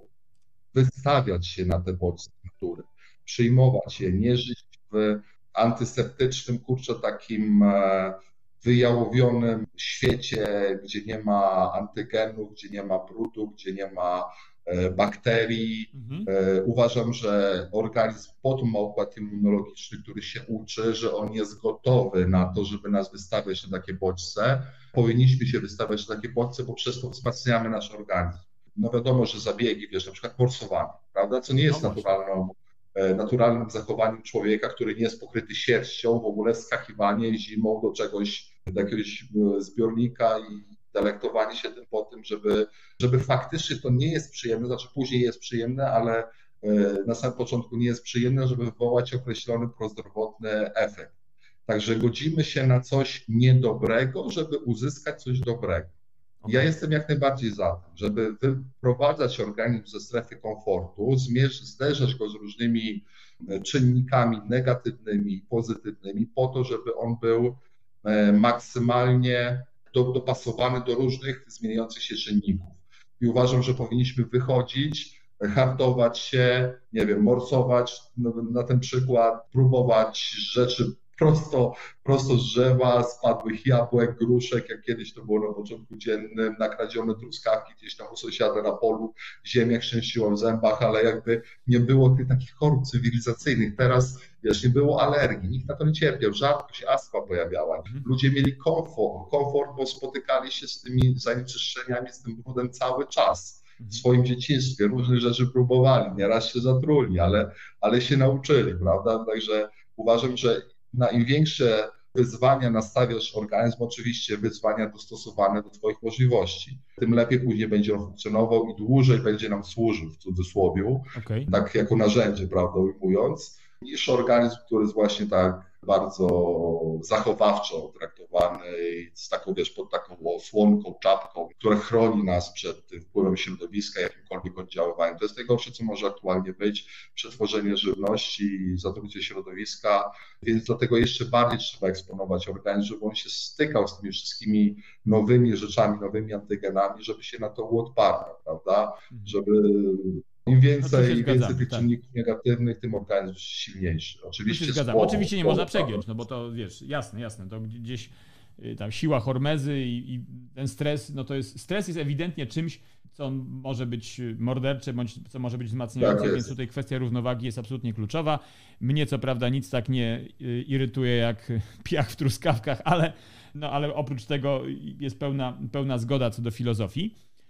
Powiedz proszę, to jest bardzo ważny temat w utrzymaniu zdrowia, w utrzymaniu szczęścia, to, tym, to w ogóle szczęście samo w sobie, czyli relacje, relacje, emocje i, i znowu, no wiadomo, że najłatwiej powiedzieć, no tak, dobre relacje z ludźmi są ważne, trzeba je utrzymywać, mhm. no ale dochodzimy do sytuacji, w której mamy po prostu ewidentny konflikt. Mamy coś do zrobienia i, i to być może pięć rzeczy naraz, albo mamy czas, który możemy poświęcić na zadbanie o naszą relację partnerską. No i, i to jest sytuacja konkretnego wyboru między, powiedzmy sobie, dobrym a dobrym. No i co w Twojej praktyce i filozofii y, zwycięża? Kto, papier, nożyce, kamień? Jak, jak ty priorytetyzujesz ten y, obszar relacji i, i takich, wiesz, emocji, no, które się gdzieś tam pojawiają na styku y, z ludźmi? No mówię, na liście priorytetów, gdzie to umieszczasz i, i z czym relacje wygrywają, a z czym być może przegrywają? Staram się być pewnego rodzaju oparciem dla ludzi, mhm. taki trochę psem pasterski dla osób, które jakby może nie do końca dobrze odnajdują się w środowisku. Bardziej traktuję to pod kątem e, najbliższych, prawda, no bo te osoby mają do mnie zaufanie, łatwiej mi do nich dotrzeć. Do tej pory dużo starałem się brać jakby ludzkiej krzywdy czy potrzeb jakby na siebie, prawda, i pomagać ludziom w zakresie. Nadal staram się tak czynić, niemniej jednak grono, do którego jakby zawężam swoje, swoje działania jest, jest już węższe, ponieważ z jednej strony tak wydaje mi się, że mogę się gdzieś tam narzucać komuś, prawda, z chęcią pomocy, z drugiej strony, z drugiej strony ktoś tej chęci pomocy może nie oczekiwać, po prostu nie chcieć, zostawcie mnie, ja sobie sam poradzę. Natomiast tak międzyludzko najbliżej, w takich partnerskich relacjach w rodzinie, no to zawsze jest kwestia dogadania się, prawda? No słuchaj, jest sytuacja, nie wiem, napisania wniosku, czy nagle spadło jakieś tam, mam trzy dni na poprawę, w puli jest kilka milionów do, do dofinansowania, E, może przełożymy ten wyjazd weekendowy na, na kolejny, żebyśmy mogli i to, i to, prawda, wygrać. Także zawsze wybieram metodę win-win. Nie chcę, nie chcę rezygnować, chcę pogadać. Coś wyszło nagle, uznajemy, że jest to jakby istotne dla rodziny czy naszego funkcjonowania, więc, e, więc ku temu się skłaniam. Tak jak Ci mówiłem jeszcze trzy lata temu, praca była najważniejsza, ponieważ dawała mi ułudę myślenia, że ja to robię dla najbliższych. Mhm. Ale jednak ja chciałem być najlepszy w tym, co robię. Tak, tak. Teraz już jakby nie mam takich ambicji. I jest mi łatwiej zrezygnować, jest mi dużo łatwiej odpuścić. Jeszcze boję się tylko tego, że jak raz odpuścisz, to zaczniesz już odpuszczać. Mhm. Ale może to też jest dobre. Dobre, bo wiesz, w pewnym wieku należy może być już bardziej mentorem, niż się bardziej jakby angażować we wszystkie działania możliwe, bo jakby wszystkich stron za ogon nie złapiesz. Mhm. I już masz to przećwiczone, że wiesz, że zbyt duży jest koszt poniesiony, czyli powiedzmy to przebodźcowanie, stres, zmarnowane zdrowie, nadszarpnięte zdrowie i że warto tego nie robić. Poza tym, że też bardziej się trzeba skupić na zadbaniu o tych najbliższych, za tych, których jesteś odpowiedzialny, żeby faktycznie im jak najwięcej tej wiedzy przekazać, dać jak najwięcej siebie. Więc tak od jakichś mniej więcej dwóch lat tak zacząłem brać pod uwagę zdanie innych, ponieważ o sobie zawsze ma subiektywne zdanie. Okay. A to, jak cię ocenią najbliżsi, oni cię ocenią obiektywnie, tak jak ty faktycznie dla nich jesteś. Jak się wydajesz, ale też jaki jesteś. Tobie się tylko wydaje, że możesz być taki, ale jak zbierzesz opinię z całej rodziny, powiedzmy tam z 15-16 najbliższych ci osób, no to oni powiedzą, ale ty jesteś taki, braciszku, ty jesteś taki i taki. W takich sytuacjach ty psychowujesz tak, a nie tak. Autodiagnoza często polega na tym, żeby na początku pytania rozwiązujesz sam dla siebie i odpowiadasz, a później dajesz to innym, żeby rozwiązali pytania o tobie. Nie? I odpowiedzieli, później porównujesz ej, dlaczego dziewięć osób odpowiedziało inaczej i dokładnie tak samo razem, ale od, od, inaczej niż ja. To, Wiesz co, no, Piotr, ja... zaakceptować, że, że jednak faktycznie jest inaczej niż dzisiaj. Ja też się z tym zmagam, chociaż myślę, że moje życie nie jest y, nawet w małej części tak bardzo ekstremalne jak Twoje, ale no na pewno zmagam się z tym, żeby w odpowiedni sposób spriorytetyzować relacje i robię to, bo głęboko wierzę w to, że to, to jest coś, co, co mi da długofalowo szczęście, a mm. potem da szczęście osobom, które są dookoła mnie, a na tym też mi zależy, ale, ale no oczywiście szarpią mną moje własne potrzeby i wiem, jak w praktyce takiej codziennej to jest ciężko wszystko poukładać. Więc diabeł tutaj na pewno y, tkwi w szczegółach, no ale przynajmniej na tym poziomie intencji chcemy to robić win-win i chcemy, tak, chcemy dawać, tak dawać coś z siebie. Tak, tak, tak, tak, tak piszą w książkach, tak jest najlepiej i dla potrzeb podcastu możemy, możemy tak mówić. No a oczywiście wiadomo, że, że sobie z tym radzimy jakoś. Że życie, że życie stawia przed nami niesamowite wyzwania, szczególnie w, tej, w tym obszarze. Ale dobra, to być może jeszcze kiedyś szerzej o tym pogadamy. I powiedz mi teraz temat, który jest na koniec być może dla mnie nie taki super istotny, mówię dla mnie w mojej takiej codziennej praktyce, ale myślę dosyć istotny dla ciebie w twojej praktyce, w tw jeśli chodzi o twoje kompetencje, ja bym go nazwał farma, czyli to w jaki sposób widzisz, i to taka farma rozumiana jako y, farmaceutyczny y, biohacking. Jak ty postrzegasz tego typu preparaty w rzeczywistości? Bo to znowu, trochę to jest rozpięte na tej, na tej samej skali. Jeżeli twój organizm daje ci do zrozumienia, że mm, on by tego nie chciał, on cię nie chce męczyć, on, on to najchętniej by się położył na kanapie, powiedzmy. No to znowu, masz tak. teoretycznie, y, zawężając to tak dla potrzeb rozmowy, dwie możliwości. Albo się kładziesz na kanapie, albo mówisz, dobra, to ja teraz wezmę 8 y, pigułek, 4 preparaty, y, tutaj podkręcę, tutaj sobie podrzucę, generalnie wrzucę, wrzucę turbo i zrobię to. Zrobię to, nie mówię, że zrobię to kosztem organizmu, bo to nie zawsze jest kosztem organizmu, bo to czas, czasem, a może nawet pewnie z reguły powinno być tak, że poprawię sobie te parametry zdrowotne i w związku z tym mój organizm będzie performował lepiej. Ale tak z punktu widzenia filozoficznego, czy z punktu widzenia emocjonalnego, czy takiego w ogóle spojrzenia na życie, no to znowu albo odpuszczasz, albo dopalasz. I czy jesteś, że tak powiem, team odpuszczacze, czy team dopalacze, tak? Znowu bardzo to Jestem bardziej team dopalający. Tak Musi sądzę. być booster. Właściwie samym boosterem jest zadanie, to już jest wyzwanie, ale żeby sprostać wyzwanie, musi być przygotowany psychofizycznie generalnie do tego. Są wyrzeczenia, które musisz na pewnym etapie życia popełnić, jeśli chcesz coś osiągnąć. Oczywiście może do tego dochodzić wolniej, może do tego dochodzić szybciej. Ja zawsze chciałem dużo rzeczy na raz, bo zawsze uważałem, że nie zdążę zrobić wszystkiego, czego, czego bym chciał ale teraz już też nauczyłem się, że jednak przesunięcie czegoś w czasie zwykle wychodzi na lepiej jakościowo dla samej pracy, która miała być wtedy wykonana i z mhm. pewnością dużo lepiej zdrowotnie dla ciebie, bo jest mniejsze obciążenie, masz więcej czasu na to, żeby jednak wyrównać ten poziom neuroprzekaźników w mózgu, prawda, między dopaminą a serotoniną i nie być takim rozlanym kanapowcem, mhm. ale jednocześnie nie być takim, wiesz, przedopaminowanym jednocześnie zadaniowcem, multitaskingowcem. Więc tak jak mówię, jeśli jest okazja, że mogę się przespać i przez to zyskać lepszy performance, to ja to zrobię. Ale jeżeli samym snem nie jestem w stanie już jakby wyciągnąć organizmu, no to właśnie to jest to działanie nootropowe na mózg, który mi się fascynuje i okay. probiotyki mają bardzo duży wpływ nootropowy, czyli taki no, psychoaktywny na mózg i musi to być czysta syntetyczna farma, prawda? Bo ja jestem za siłą natury. Farma poprawiła naturę w pewnych aspektach, albo zrobiła ją bardziej wyselekcjonowaną. Natomiast można na łące znaleźć tyle ciekawych rzeczy i w naszym i w żywieniu tyle ciekawych rzeczy, które oczywiście wpływa na nasze samopoczucie psychofizyczne i też psycho i możemy tym modulować nasz nastrój, przygotowanie, jakby odporność na bodźce, prawda, obniżyć ten potencjał nasz pobudliwości, stopień pobudliwości, czyli nie wystrzeliwujemy na, na najmniejszą informację, tylko siedzimy spokojnie.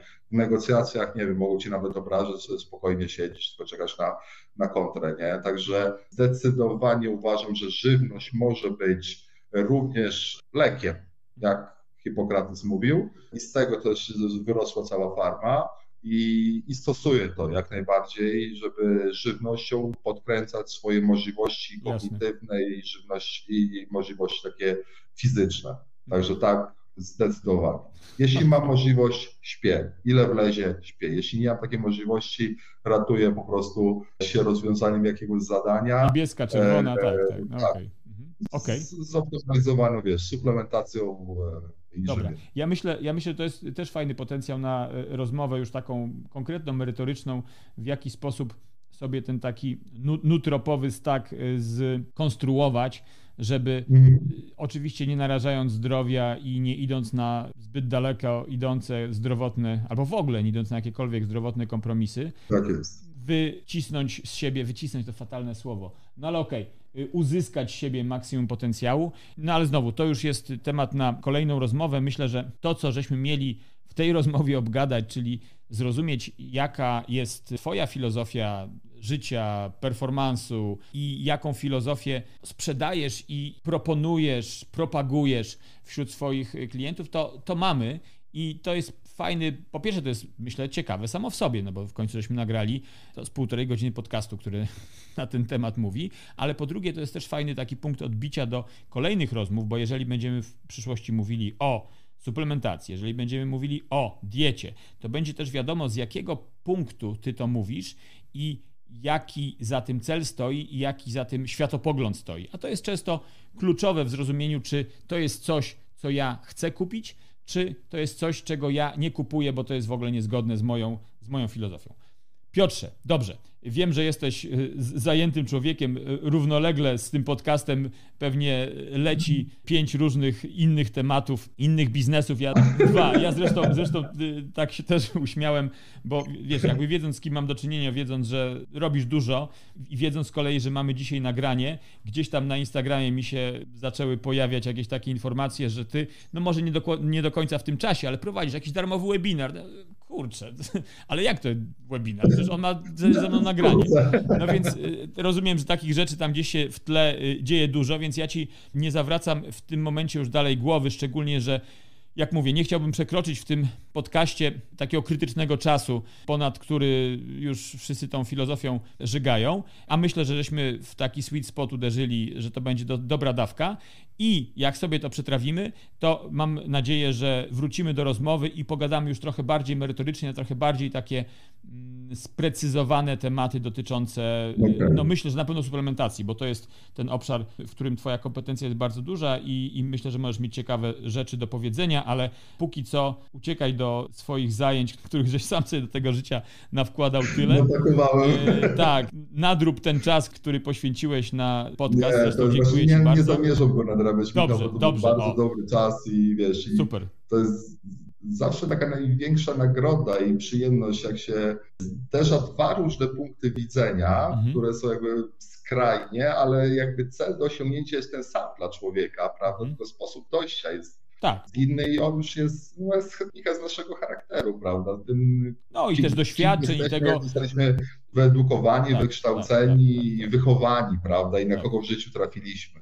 Dokładnie. Także uwielbiam rozmawiać z ludźmi, a właśnie im bardziej jakby skonkretyzowany cel, ale różne ścieżki dojścia, to jest dla mnie bardzo ciekawe. Mogę poznać sposób widzenia drugiej osoby, lepiej rozumieć drugiej osoby, Także. No tak, myślę, że w takich sytuacjach wykuwają się te właśnie te bardzo fajne kompromisy, czy bardzo takie fajne mhm. metody, które są. To, tylko to jest przestrzeń do optymalizacji tego, co, co robimy, zarówno tak, dla ciebie, jak i dla mnie. No bo ja myślę, że przez większość życia też funkcjonowałem w tym takim modelu o którym ty mówisz, teraz pewnie, y, czyli takim no, modelu ciśnięcia, teraz pewnie odbiłem w tą stronę no, takiego odpuszczenia, akceptacji i, i, równowagi, ale to nie znaczy, że, że dalej już nie poszukuję i że uważam, że jestem w jakimś idealnym miejscu. Zresztą w ogóle ta moja równowaga i to moje odpuszczenie to jest bardziej na poziomie pewnych deklaracji, czy na poziomie tego, gdzie ja bym chciał być, a to pewnie ja tylko wiem i, i moi najbliżsi, jak dużo jest we mnie nie tyle wątpliwości, ile takiego, wiesz, wewnętrznego zmagania się i jak to moje ego tam mi, wiesz, wjeżdża na kwadrat i próbuje mnie ścisnąć i zmusić do robienia Naprawdę bardzo głupich rzeczy, więc, więc wiesz, to, to, to ja, ja nie chciałbym tutaj, znaczy może inaczej, no być może taka moja rola, żeby być takim podcastowym mądralą, ale z mądrali to naprawdę dużo nie mam. Dobrze, Piotrze, głowy nie zawracam. Dziękuję Ci jeszcze raz bardzo w imieniu swoim i słuchaczy za to wszystko, czym się podzieliłeś, szczerze. I no cóż, myślę, że w Twoim przypadku mówię absolutnie nie tylko takie kurtuazyjne, ale praktyczne. Do usłyszenia. Do usłyszenia. Do usłyszenia. Super chłopie. Dziękuję Ci bardzo. Na razie. się. Wszystkiego dobrego. Zdrówka.